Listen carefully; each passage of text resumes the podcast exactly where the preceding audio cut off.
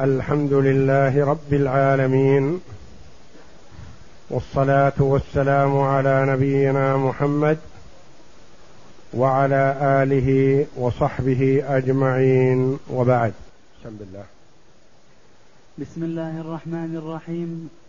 قال المؤلف رحمه الله تعالى فصل ويشترط طهارة موضع صلاته. لأنه يحتاج إليه في الصلاة. أشبه الثوب فإن كان بدنه أو ثوبه يقع على موضع النجس لم تصح صلاته وإلا صقها على حائط أو ثوب إنسان. فذكر ابن عقيل أن صلاته صحيحة لأنه ليس بموضع لصلاته ولا محمولا فيها. قول المؤلف رحمه الله تعالى ويشترط طهارة موضع صلاته. هذا الفصل داخل ضمن باب شروط الصلاة. وعرفنا أن شروط الصلاة ستة الطهارة من الحدث والطهارة من النجس. وتقدم الكلام على الطهارة من الحدث وتقدم شيء من الكلام على الطهارة عن النجس. وهذا الفصل ضمن الشرط الثاني من شروط الصلاة. قال ويشترط طهارة موضع صلاته. كما يشترط طهارة بدنه وطهارة ثوبه كذلك يشترط طهارة موطن الصلاة وموقعها. فلا يصلي في مكان نجس وإن كان في مصلاه نجاسة فلا يخلو إن كانت متعلقة به فلا تصح صلاته بذلك. أو هو حامل لها فلا تصح صلاته بذلك.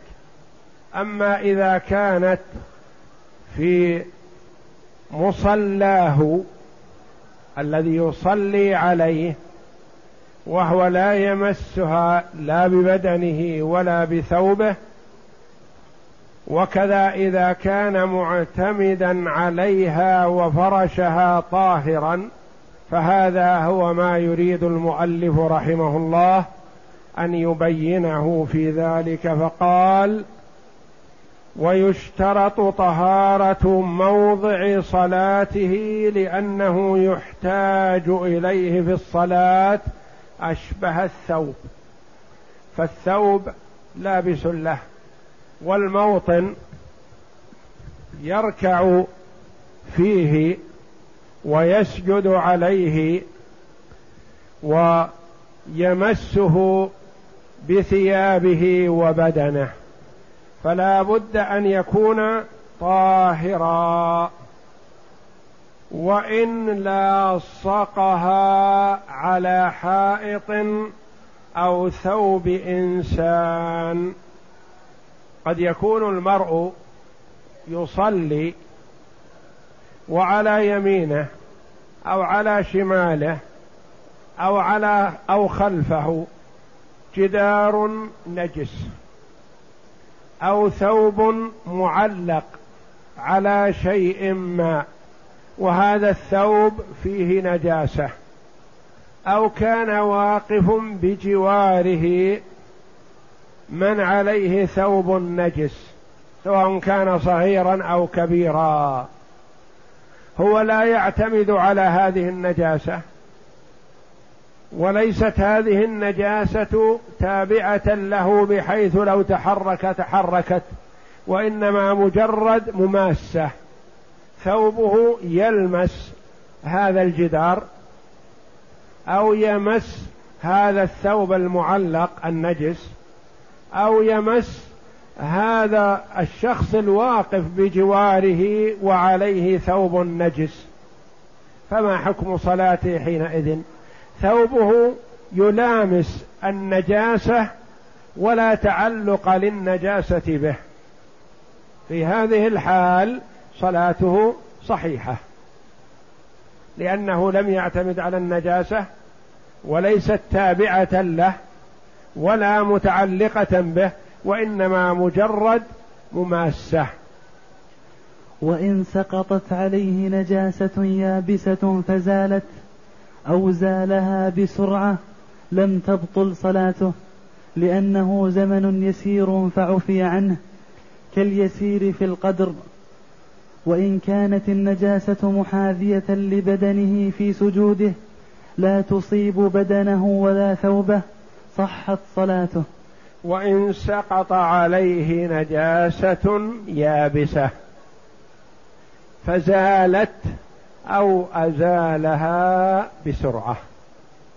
شخص يصلي في مكان ما وسقط عليه نجاسة يابسة. عذره مثلا غائط ونحوه أو روث حمار نجس. سقطت على رأسه ثم ذهبت. ما ما بقيت. أو سقطت عليه وهو راكع مثلا واستقرت على ظهره لكنه رماها بسرعة. في هذه الحال صلاته صحيحة.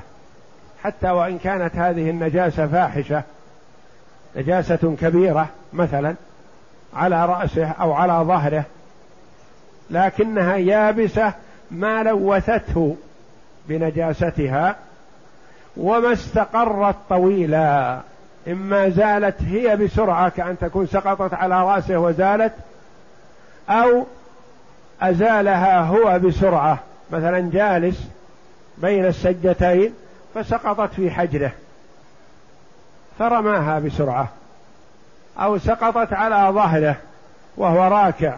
فرماها بسرعة. في هذه الحال لا تؤثر النجاسة التي سقطت عليه. وإن كانت النجاسة محاذية لبدنه في سجوده لا تصيب بدنه ولا ثوباه السجا... النجاسة في الأرض التي هو يصلي عليها. صف يصلي في مكان ما. فوجد نجاسة في مكان صلاته.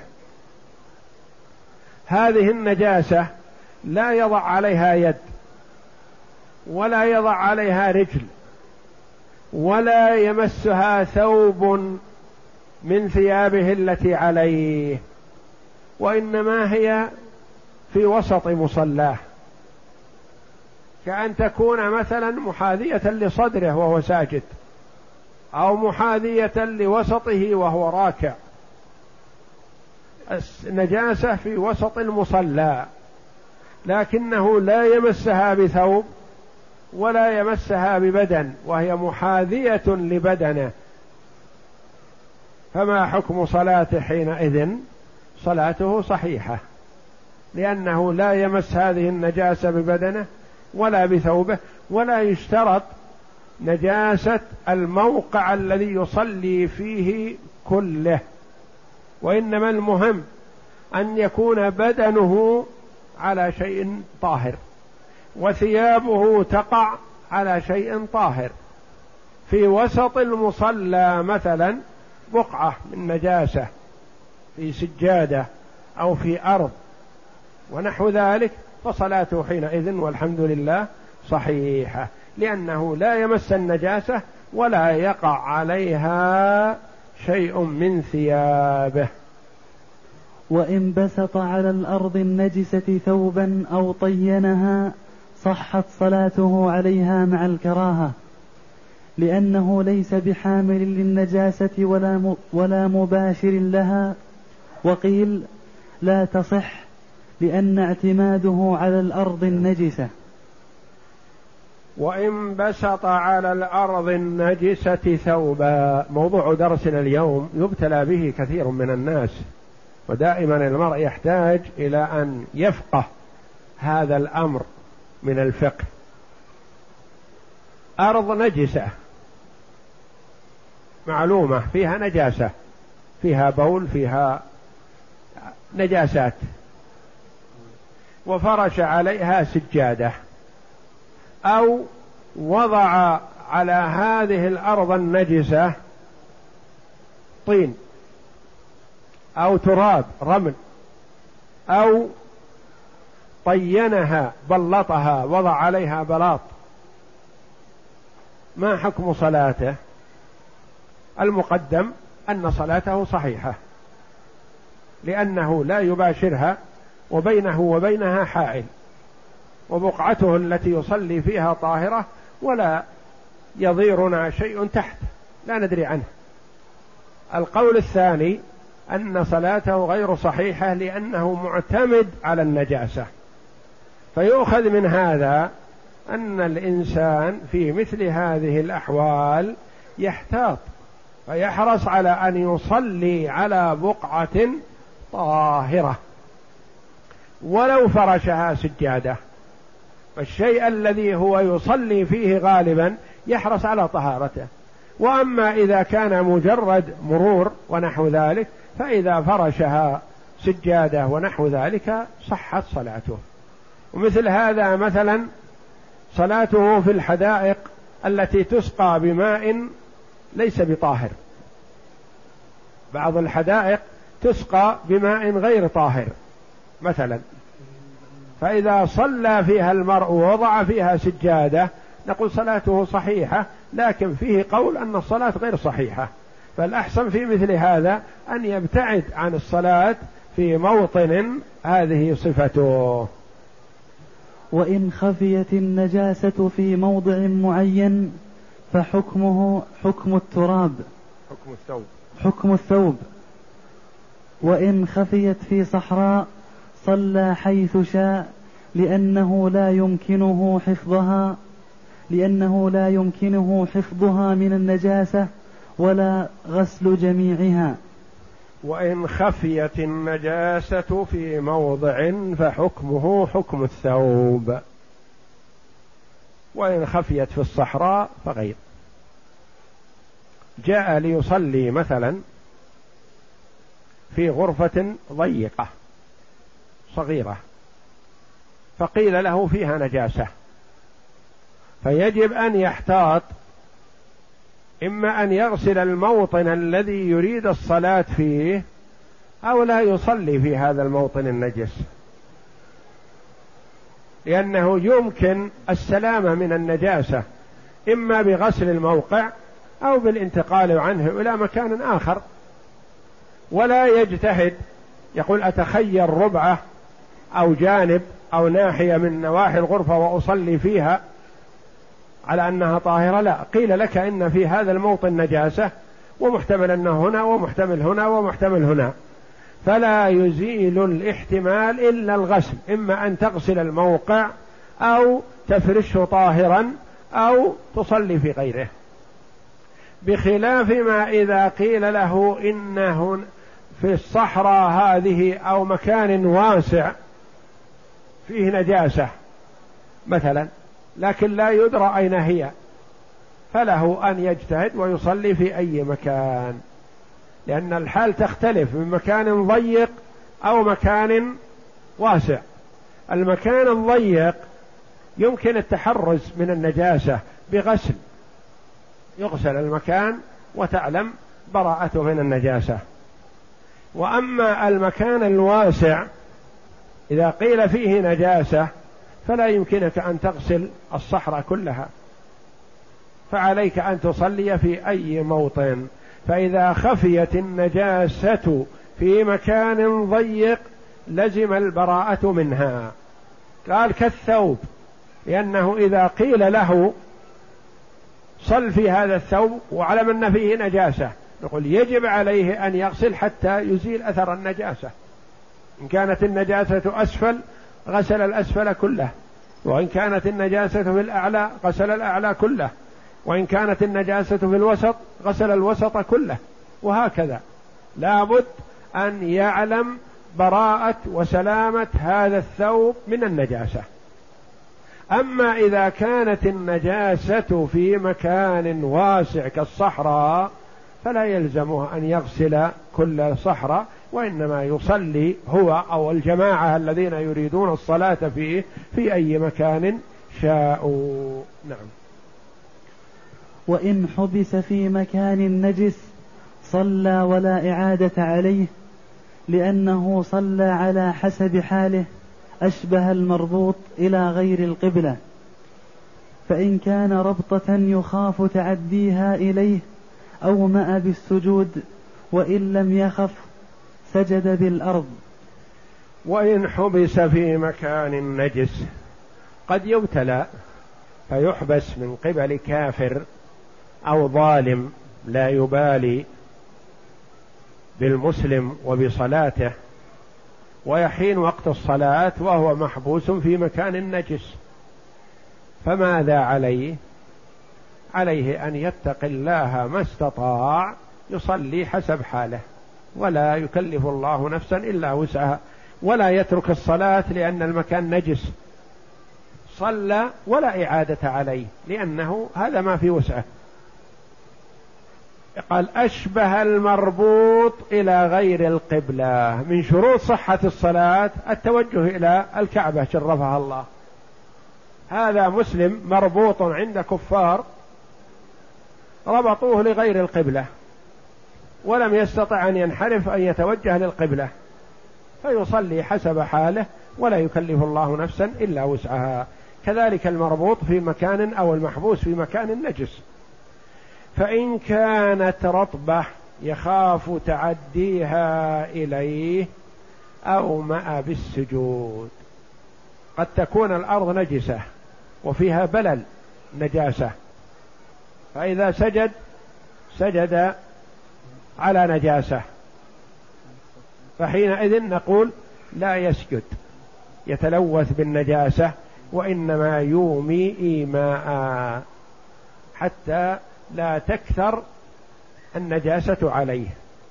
قدر المستطاع التخفيف حتى لو ترك الركوع والسجود لأنه إن ركع أو سجد أصابته النجاسة أكثر فنقول يغمي إيماء بالركوع والسجود. كأن تكون النجاسة مثلا تنزل عليه من فوق فإذا ركع نزل على ظهره. فنقول هو واقف يومي إيماء ولا يركع يهيئ نفسه لاستقبال النجاسة. كذلك إذا كانت النجاسة في الأرض فإذا سجد سجد على النجاسة يقول يجلس ويؤمي بالسجود وهو جالس. فصل إذا رأى عليه نجاسة بعد الصلاة وجوز حدوثها بعدها لم تلزمه الإعادة لأن الأصل عدمها في الصلاة. نعم. وإذا رأى عليه نجاسة بعد الصلاة مثلا بعدما صلى العصر وخرج وباشر بعض الأعمال. التفت ورأى في ثوبه أو سرواله أو ردائه الذي عليه رأى فيه نجاسة. هذه النجاسة يحتمل أنها من قبل صلاة العصر ويحتمل أنها أصابته بعد صلاة العصر. في هذه الحال صلاته صحيحة ما دام في احتمال أنها بعد الصلاة واحتمال أنها قبل الصلاة فالصلاة صحيحة. نعم. وإن علم أنها كانت عليه في الصلاة ففيه روايتان. إحداهما يعيد لأنها طهارة واجبة فلم تسقط بالجهل كالوضوء وقياسا على سائر الشرائط. والثانية لا يلزمه لما روى أبو سعيد أن النبي صلى الله عليه وسلم خلع نعليه في الصلاة فخلع الناس نعالهم فقال ما لكم خلعتم؟ فقالوا رأيناك خلعت نعليك فخلعنا نعالنا. فقال أتاني جبريل عليه السلام فأخبرني أن فيهما قذرا. رواه أبو داود. ولو. ولو بطلت لاستئنافها لاستأنفها. ولو بطلت لاستأنفها فعلى هذا إن علم بها في الصلاة وإن أمكنه وأمكنه, وأمكنه إزالتها بغير عمل طويل فعل كما فعل النبي صلى الله عليه وسلم. وإن علم أن هذه النجاسة في الصلاة. يعني لا احتمال أن هذه النجاسة أصابته بعد الصلاة. مثالنا السابق بعدما صلى العصر نظر في ثوبه فوجد نجاسة. ويعرف أن هذه النجاسة قطعا أصابته قبل الصلاة لأنه بعد الصلاة لم يباشر شيئا يحتمل أن تكون هذه النجاسة منه. أو رآها وهو في الصلاة. فما الحكم؟ قال إذا رأى النجاسة بعد الصلاة يعيد. هذا القول الأول. أعاد الصلاة لأنه علم أنه صلى بثوب نجس فعليه الإعادة. القول الآخر ولعله الأقرب إلى الصواب إن شاء الله لوجود الدليل أنه لا إعادة عليه وصلاته صحيحة. لأن الدليل مع هذا وذاك معه التعليل. قالوا في ذاك صلى في ثوب نجس بإمكانه التحرز منه. نقول نعم بإمكانه التحرز منه لكن ما علم. وهنا معنا الدليل أن النبي صلى الله عليه وسلم صلى بنعليه وفي أثناء الصلاة خلع صلى الله عليه وسلم نعليه. الصحابة رضي الله عنهم من سرعة امتثالهم لما يرون من المصطفى صلى الله عليه وسلم في الحال خلعوا نعالهم. فقال لهم النبي صلى الله عليه وسلم بعد ما انصرف من صلاته ما لكم خلعتم نعالكم؟ قالوا يا رسول الله رأيناك خلعت نعليك فخلعنا. فقال إنه أتاني جبريل فأخبرني أن فيهما قذرا يعني نجاسة. فخلع صلى الله عليه وسلم. وجه الاستشهاد بهذا الحديث أن النبي صلى الله عليه وسلم صلى أول نجاس أول صلاته بنعليه وفيهما القدر فلو كان وجود القذر والنجاسة في الثوب أو نحوه مبطل للصلاة لبطلت صلاة أول أول صلاة النبي صلى الله عليه وسلم. لكان يلزم أن يستأنف. لكنه صلى الله عليه وسلم بنى على أول صلاته مع وجود القدر في نعليه. فمعنى هذا الذي يظهر والله أعلم أن المرأة إذا صلى بثوب ثم رأى فيه النجاسه وهو يعلم أنه صلى فيها لأنه لا احتمال فهذا صلاته صحيحة. وإن علم بها قبل الصلاة ثم أنسيها فقال القاضي يعيد لأنه فرط في تركها. وقال أبو الخطاب فيها روايتان كالتي قبلها لأن ما عذر فيه بالجهل عذر فيه بالنسيان كواجبات الصلاة. وإن علم بها قبل الصلاة. علم لبس ثوبا أو سراويل فيه نجاسة.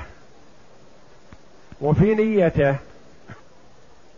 أنه إذا توضأ يغسل النجاسة.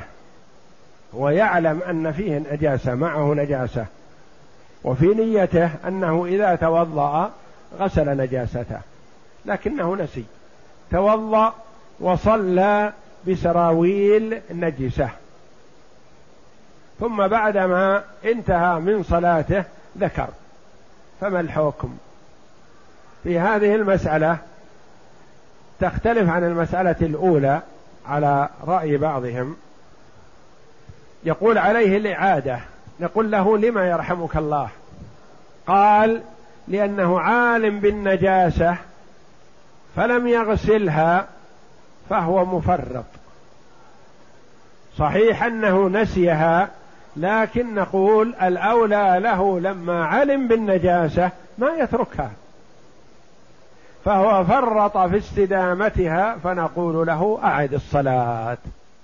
القول الآخر الذي هو لأبي الخطاب رحمه الله قال يروى فيها روايتان أن صلاته صحيحة ولا إعادة عليه والرواية الثانية أن عليه الإعادة. والظاهر والله أعلم إلحاقها بالتي قبلها بأنه لا يلزمه إعادة ما دام أنه نسي النجاسة. والنبي صلى الله عليه وسلم يقول عفي عن أمة الخطأ والنسيان. نعم. فصل ولا تصح الصلاة في خمسة مواضع. المقبرة حديثة كانت أو قديمة والحمام داخله وخارجه لما روى أبو سعيد أن النبي صلى الله عليه وسلم قال الأرض كلها مسجد إلا المقبرة والحمام رواه أبو داود.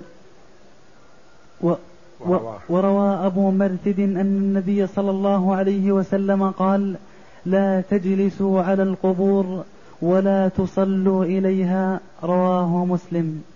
في هذا الفصل يذكر المؤلف رحمه الله المواطن التي لا تصح فيها الصلاة.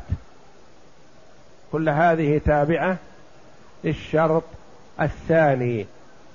الشرط الأول الطهارة من الحدث الشرط الثاني الطهارة من النجس وذكر طهارة الثوب والبدن والبقعة ثم بين المواطن التي لا تصح فيها الصلاة إما لأجل احتمال النجاسة وإما الخوف من الشرك وإما لأنها متوقع وجود النجاسة فيها أو لمعنى فيها يؤثر عليها كالأرض المغصوبة ونحوها. فقال ولا تصح الصلاة في خمسة مواضع. ما هذه الخمسة يرحمك الله؟ قال المقبرة. حديثة كانت أو قديمة. المقبرة مطلقة. ولو أنها من عشرات السنين. وجاءت الأمطار بعد ترك الدفن فيها وتراكمت عليها السيول إلا أنها مقبرة لا تزال مقبرة. وقوله حديثة أو قديمة لأجل يفهم أنه ليس المراد النجاسة فقط لأنه لو كان المراد الخوف من النجاسة قلنا مثلا هذه مقبرة من خمسين سنة متروكة. وتتابعت عليها الأمطار وغسلتها. فالأرض طاهرة لكن لا المقبرة ليس الخوف من النجاسة فقط وإنما الخوف من النجاسة مع خشية الوقوع في الشرك. فلا يصلى على القبر ولا يصلى عليه ولا إليه. فقد نهى النبي صلى الله عليه وسلم عن اتخاذ المساجد على القبور ولعن صلى الله عليه وسلم الفاعلين لذلك. فلا يجوز أن يصلى في المقبرة لا فريضة ولا نافلة سوى صلاة الجنازة فهي مستثنات لأن النبي صلى الله عليه وسلم صلى على الجنازة في المقبرة. وأما إذا ذهب المسلم لزيارة القبور فلا يجوز له أن يصلي ولو تنحى عن القبور لأنها مقبرة. والمشركون يتعلقون بأصحاب القبور ويطلبون منهم ويصلون إليه فنهي المسلم عن مشابهتهم ولو كانت الصلاة لله. ولو كانت البقعة طاهرة لم يقبر فيها ولو كانت جديدة المقبرة ما فيها إلا عشرة قبور أو خمسة قبور أو أقل أو أكثر فلا تصح الصلاة فيها. كل هذا حماية لجناب التوحيد عن أن يقع المسلم في الشرك. إذا ما حكم الصلاة في المسجد الذي بني على القبر أو أدخل فيه قبر. المكان ليس مقبرة لكن هذا المسجد بني على قبر فلان أو السيد فلان أو الشهيد فلان أو ضريح فلان أو أن فلان بنى المسجد اولا ثم قالوا بعد وفاته يدفن في مسجده. ما الحكم؟ نقول إذا بني المسجد على القبر فيجب هدم القبر ولا تصح الصلاة فيه. لأنه بني على القبر. والقبر يبقى في مكانه. والمسجد يهدم ولا تصح الصلاة فيه. وإذا كان المسجد أولا ثم دفن فيه الميت فالصلاة في المسجد هذا صحيحة لأن المسجد مسجد وهو القادم وهو الأول ويجب نبش القبر وإخراجه إلى مقابر المسلمين إن كان من المسلمين. ولا يجوز بقاؤه في المسجد. اذا فالأحقية للسابق منهما. المسجد اولا تصح الصلاة فيه ويخرج منه القبر. المسجد القبر اولا لا تصح الصلاة في المسجد ويجب هدمه. وكذلك الحمام يعني مكان قضاء الحاجة. ولو لم يكن فيه الغائط مثلا يجري فيه البول فهذا مظنة النجاسة وأثرها. فلا يصلى في مكان قضاء الحاجة. لما روى أبو سعيد الخدري رضي الله عنه أن النبي صلى الله عليه وسلم قال الأرض كلها مسجد. هذه من نعم الله جل وعلا على محمد صلى الله عليه وسلم وأمته. اليهود والنصارى وأصحاب الأديان السابقة لا يصلون إلا في أماكن عبادتهم في الكنائس والبيع ونحوها. المواطن التي أعدت للعبادة. وأما نحن والحمد لله فيصلي المسلم في أي مكان حضر وقت الصلاة وهو فيه. في أي مكان. جعلت لي الأرض مسجدا وطهورا. يعني أي مكان حضر وقت الصلاة صل فيه. وطهورا يعني يتطهر به يتيمم به. يعني هذا من خصائص أمة محمد صلى الله عليه وسلم. فنحن نتطهر بالماء ونتطهر كذلك بالتراب. فجعل الله لنا التراب طهورا نتيمم به عند فقد الماء أو العجز عن استعماله. الأرض كلها مسجد إلا المقبرة والحمام. رواه أبو داود.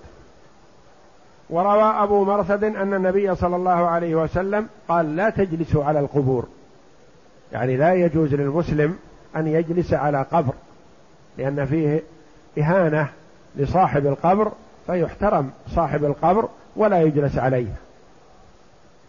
ولا تصلوا إليها. لا يجوز لنا أن نهين الميت فكسر عظمه حيا كسر عظمه ميتا ككسره حيا. حرام. لا يجوز أن نتعرض للميت بسوء. كذلك لا يجوز لنا أن نرفعه فوق قدره. لا نصلي إليه لا نجعله قبلة. لا نطلب منه شيئا من الأشياء لأنه لا يقدر على شيء. ميت.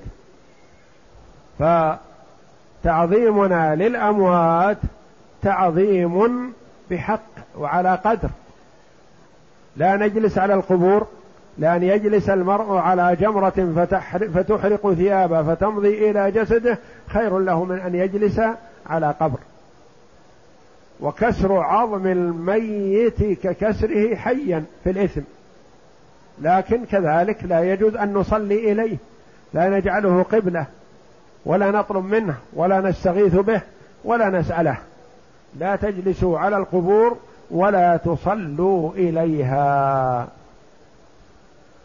فالجلوس عليها إهانة والصلاة عليها إليها تعظيم تعظيم لا يستحقه المخلوق. وأعطان الإبل وهي التي تقيم فيها وتأوي إليها لما روى جابر بن سمرة أن رجلا قال يا رسول الله أنصلي في مرابض الغنم؟ قال نعم. قال أنصلي في, مر في, مب في مبارك الإبل؟ قال لا رواه مسلم. ولأن هذه المواضع مظنة للنجاسة فأقيمت مقامها. الموطن الثالث من المواطن التي لا تصح فيها الصلاة معاطن الإبل. معاطن الإبل ما هي؟ هي الأماكن التي تقيم فيها وتبرك فيها وتبيت فيها كالأحواش المعدة لها والحظائر والأماكن المخصصة لها أما إذا كانت الإبل تسرح في هذه الصحراء مثلا ثم جئت وصليت على أثرها أو على في مكان طريقها أو نحو ذلك فلا بأس لكن المنهي عنه المعاطن الذي تعطن فيها وتبرك وتقيم فيها. والدليل على ذلك حديث جابر بن سمرة أن رجلا قال يا رسول الله أن أصلي في مرابض الغنم يعني الأحواش التي تبيت فيها الغنم وتجتمع فيها. قال نعم. قال أن أصلي في مبارك الإبل؟ قال لا. فمعاطن الإبل لا يصلى فيها ومبارك ومرابض الغنم يصلى فيها. نعم. قالوا في مبارك الإبل مظنة النجاسة وقالوا لأن الإبل تصحبها كثيرا الشياطين فالأماكنها فيها الشياطين آهلة فالابتعاد عن ذلك مطلوب. والحش لأن النهي عن هذه المواضع تنبيه على النهي عنه ولأن احتمال النجاسة فيه فيه أكثر وأغلب. والحش مكان قضاء الحاجة. كذلك لا يجوز أن يصلى فيه ما دام أنه مهيأ لمكان قضاء الحاجة حتى وإن نظف وإن غسل. فالنهي عن الصلاة في الحمام لأنه محتمل النجاسة. فالنهي عن المكان الحش من باب أولى. نعم. والموضع المغصوب لأن قيامه وقعوده ولبثه فيه محرم منهي عنه فلم يقع عبادة كالصلاة في زمن الحيض. والموطن الخامس المغصوب. المغصوب لا يصح أن يصلى فيه. فالمرء مثلا غصب أرضا مغصوبة لا يصح أن يصلي فيها. هذا المكان مغصوب غصبه ظالم وأخذه فلا يصح أن تصلي فيه. لأن هذا المكان الإقامة فيه ظلم والحركة فيه ظلم والجلوس فيه ظلم فلا يصلح أن يكون موطن للعبادة لأنه مغصوب. اذا المواطن هذه خمسة. ما هي؟ المقبرة والحمام ومعاطن الابل والحش والأرض المغصوبة. ويأتي إليها زيادة. نعم. وعنه أن الصلاة في هذه المواضع تصح مع التحريم لأن النهي لمعنى في غير الصلاة أشبه المصلي وفي يده خاتم من ذهب. وعنه إن علم النهي لم تصح صلاته لارتكاب لارتكابه للنهي وإن لم يعلم صحت. وعنه عن الإمام أحمد رحمه الله أن الصلاة في هذه المواضع تصح مع التحريم. يقول ما دام لم يصلي في موطن نجس موطن طاهر سواء كان مقبرة أو حمام أو معاطن إبل أو مكان حش أو أرض مغصوبة. صلى في مكان طاهر واحتمال النجاسة لا يلتفت إليه. قال الصلاة تصح لكن يحرم عليه أن يوقع الصلاة. فرق بين الأمرين. إذا قيل الصلاة تصح ويحرم عليه الفعل. وبين قول لا تصح الصلاة فيه. على القول الأول إذا جاءنا شخص وقال صليت في معاطن الإبل ما حكم صلاتي؟ نقول على القول الأول لا تصح صلاتك يلزمك أن تعيدها. على القول الثاني أن الصلاة تصح ويحرم الفعل نقول له صلاتك صحيحة لكن فعلك أنت فيه آثم فاستغفر وتب إلى الله ولا تعد إلى هذا الفعل مرة أخرى. الذين قالوا تصح الصلاة مع الإثم والتحريم قالوا مثل من صلى وفي يده خاتم من ذهب.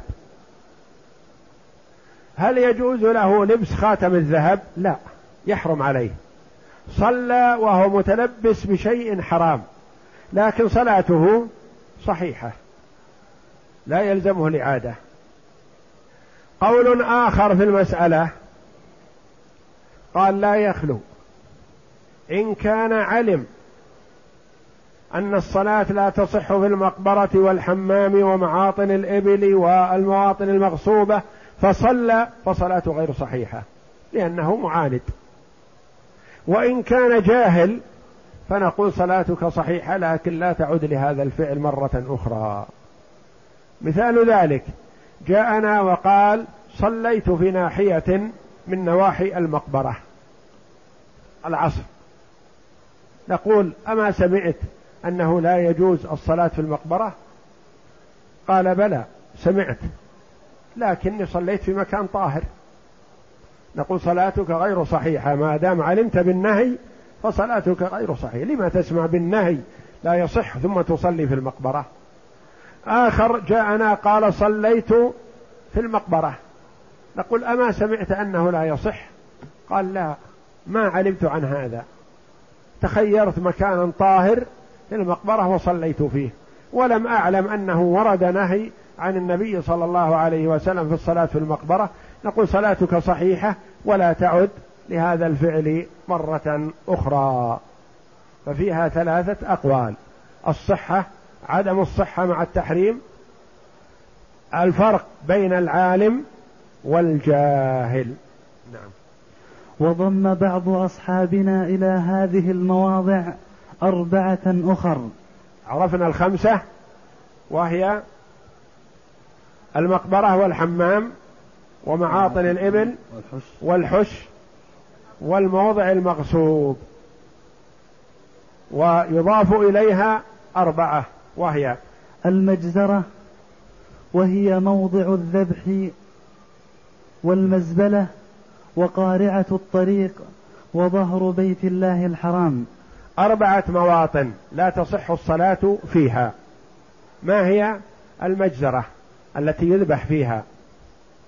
وقارعة الطريق والمزبلة مكان القمامة.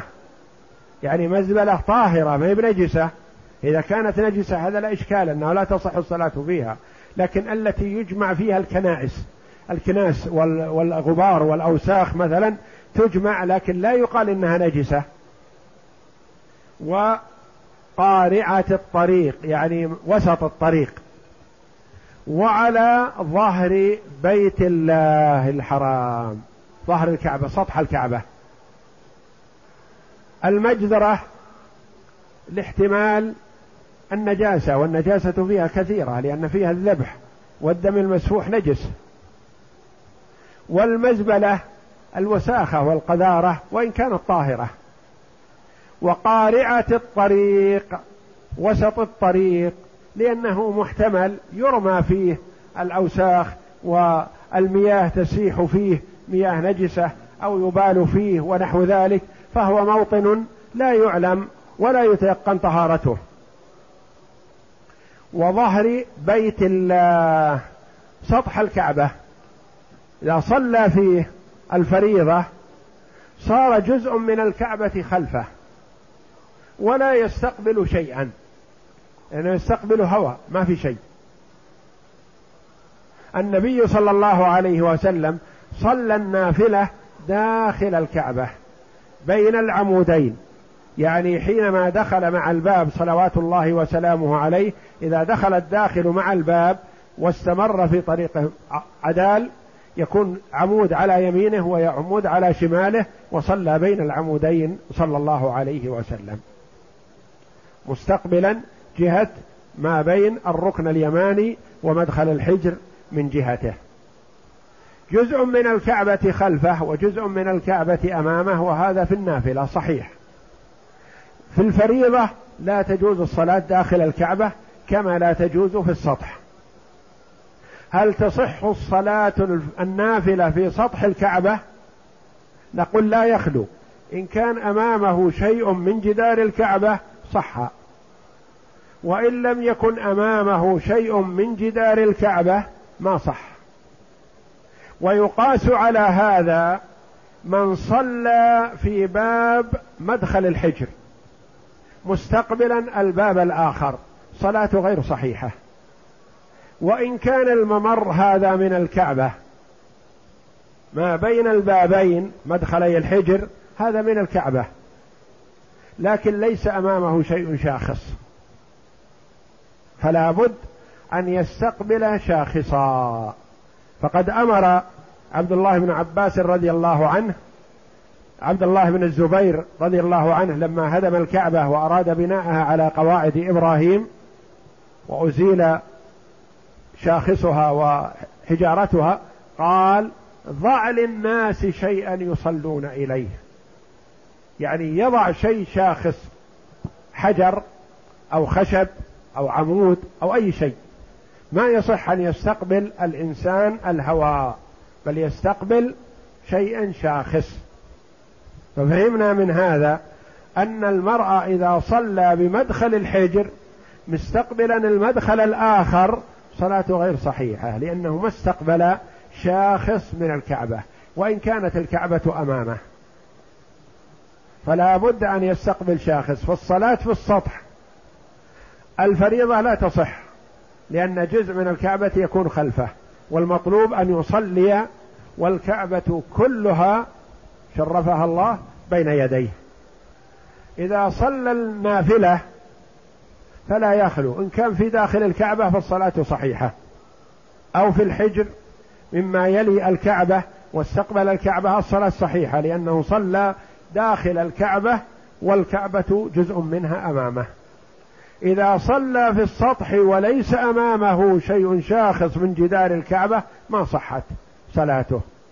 وإن كان جدار الكعبة في السطح مرتفع وصلى إلى الجدار فصلاته صحيحة النافلة دون الفريضة. وهذا معنى قول المؤلف رحمه الله وسطح بيت الله. وظهر بيت الله الحرام يعني ظهر الكعبة. نعم. فجعل فيها الروايات الثلاث لما روى عمر بن الخطاب رضي الله عنه أن النبي صلى الله عليه وسلم قال سبعة مواطن لا تجوز فيها الصلاة المجزرة والمزبلة والمقبرة ومعاطن الإبل والحمام وقارعة الطريق وفوق بيت الله العتيق رواه ابن ماجه. وفيه ضعف ولأن قارعة الطريق والمجزرة والمزبلة مضان مضان للنجاسة أشبهت الحش والحمام وفي الكعبة يكون مستدبرا لبعض القبلة. هذه هي الأسباب التي نهي عن المواطن هذه فيها. يقول وعنه فيها ثلاثة روايات المتقدمة أن الصلاة لا تصح. في هذه المواطن. الرواية الأخرى أن الصلاة صحيحة مع التحريم. الرواية الثالثة أن الصلاة لمن يعلم النهي غير صحيحة ومن لا يعلم النهي صلاته صحيحة. وإن صلى النافلة في الكعبة أو على ظهرها وبين يديه شيء منها صحت صلاته لأن النبي صلى الله عليه وسلم صلى في البيت ركعتين متفق عليه. وإن صلى النافلة في الكعبة أو على ظهرها وبين يديه شيء منها. صلى داخل الكعبة لا إشكال. النافلة لأن النبي صلى الله عليه وسلم صلى فيها. صلى في السطح مثلا. نقول السطح إن كان أمامك شيء منها في جدار ولو بارتفاع مثلا ثلاثين أو أربعين سنتي فيكفي. لأنك استقبلت شيئا منها. وإن كان سطح الكعبة أملس ليس فيه شيء حاجز فلا تصح الصلاة في السطح. وأما داخلها فلا إشكال أن الصلاة النافلة صحيحة لأن النبي صلى الله عليه وسلم دخل وصلى فيها ركعتين يوم فتح مكة صلى الله عليه وسلم. نعم. والصلاة إلى هذه المواضع صحيحة.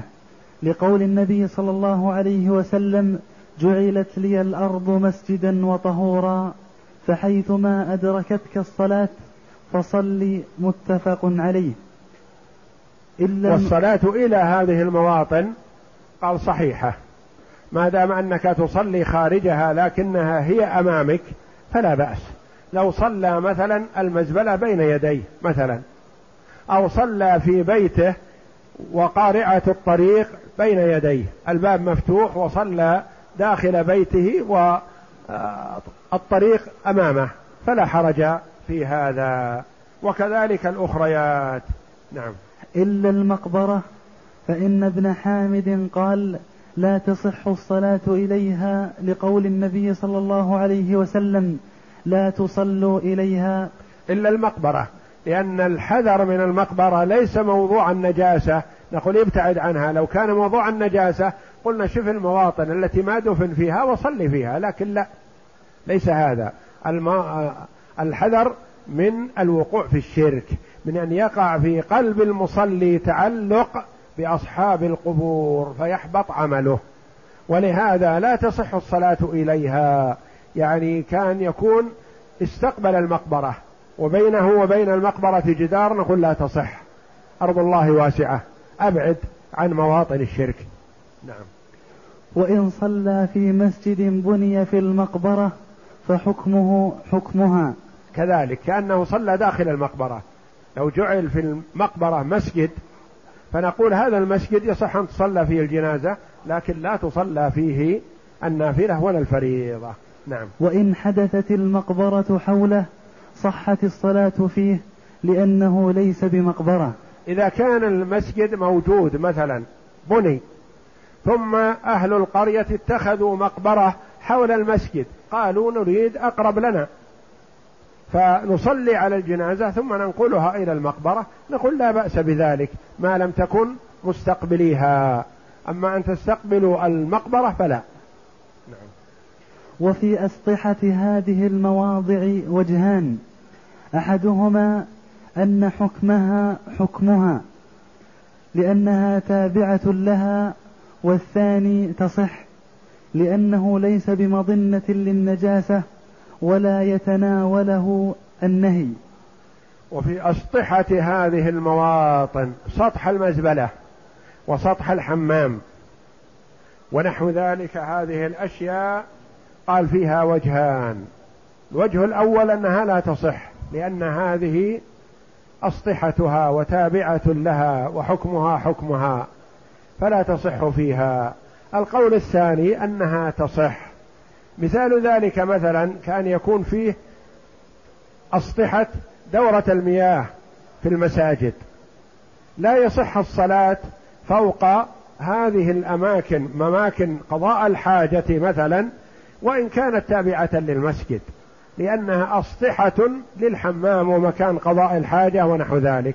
وعلى الرواية الثانية أنها ما دام هذا السطح طاهر ولا يمسه شيء من النجاسة فالصلاة فيه صحيحة فالمسألة فيها خلاف والابتعاد عن مواطن الخلاف والسلامة منها عندما يؤدي المسلم هذه الفريضة أولى وأسلم يبتعد عن مواطن الشبهة.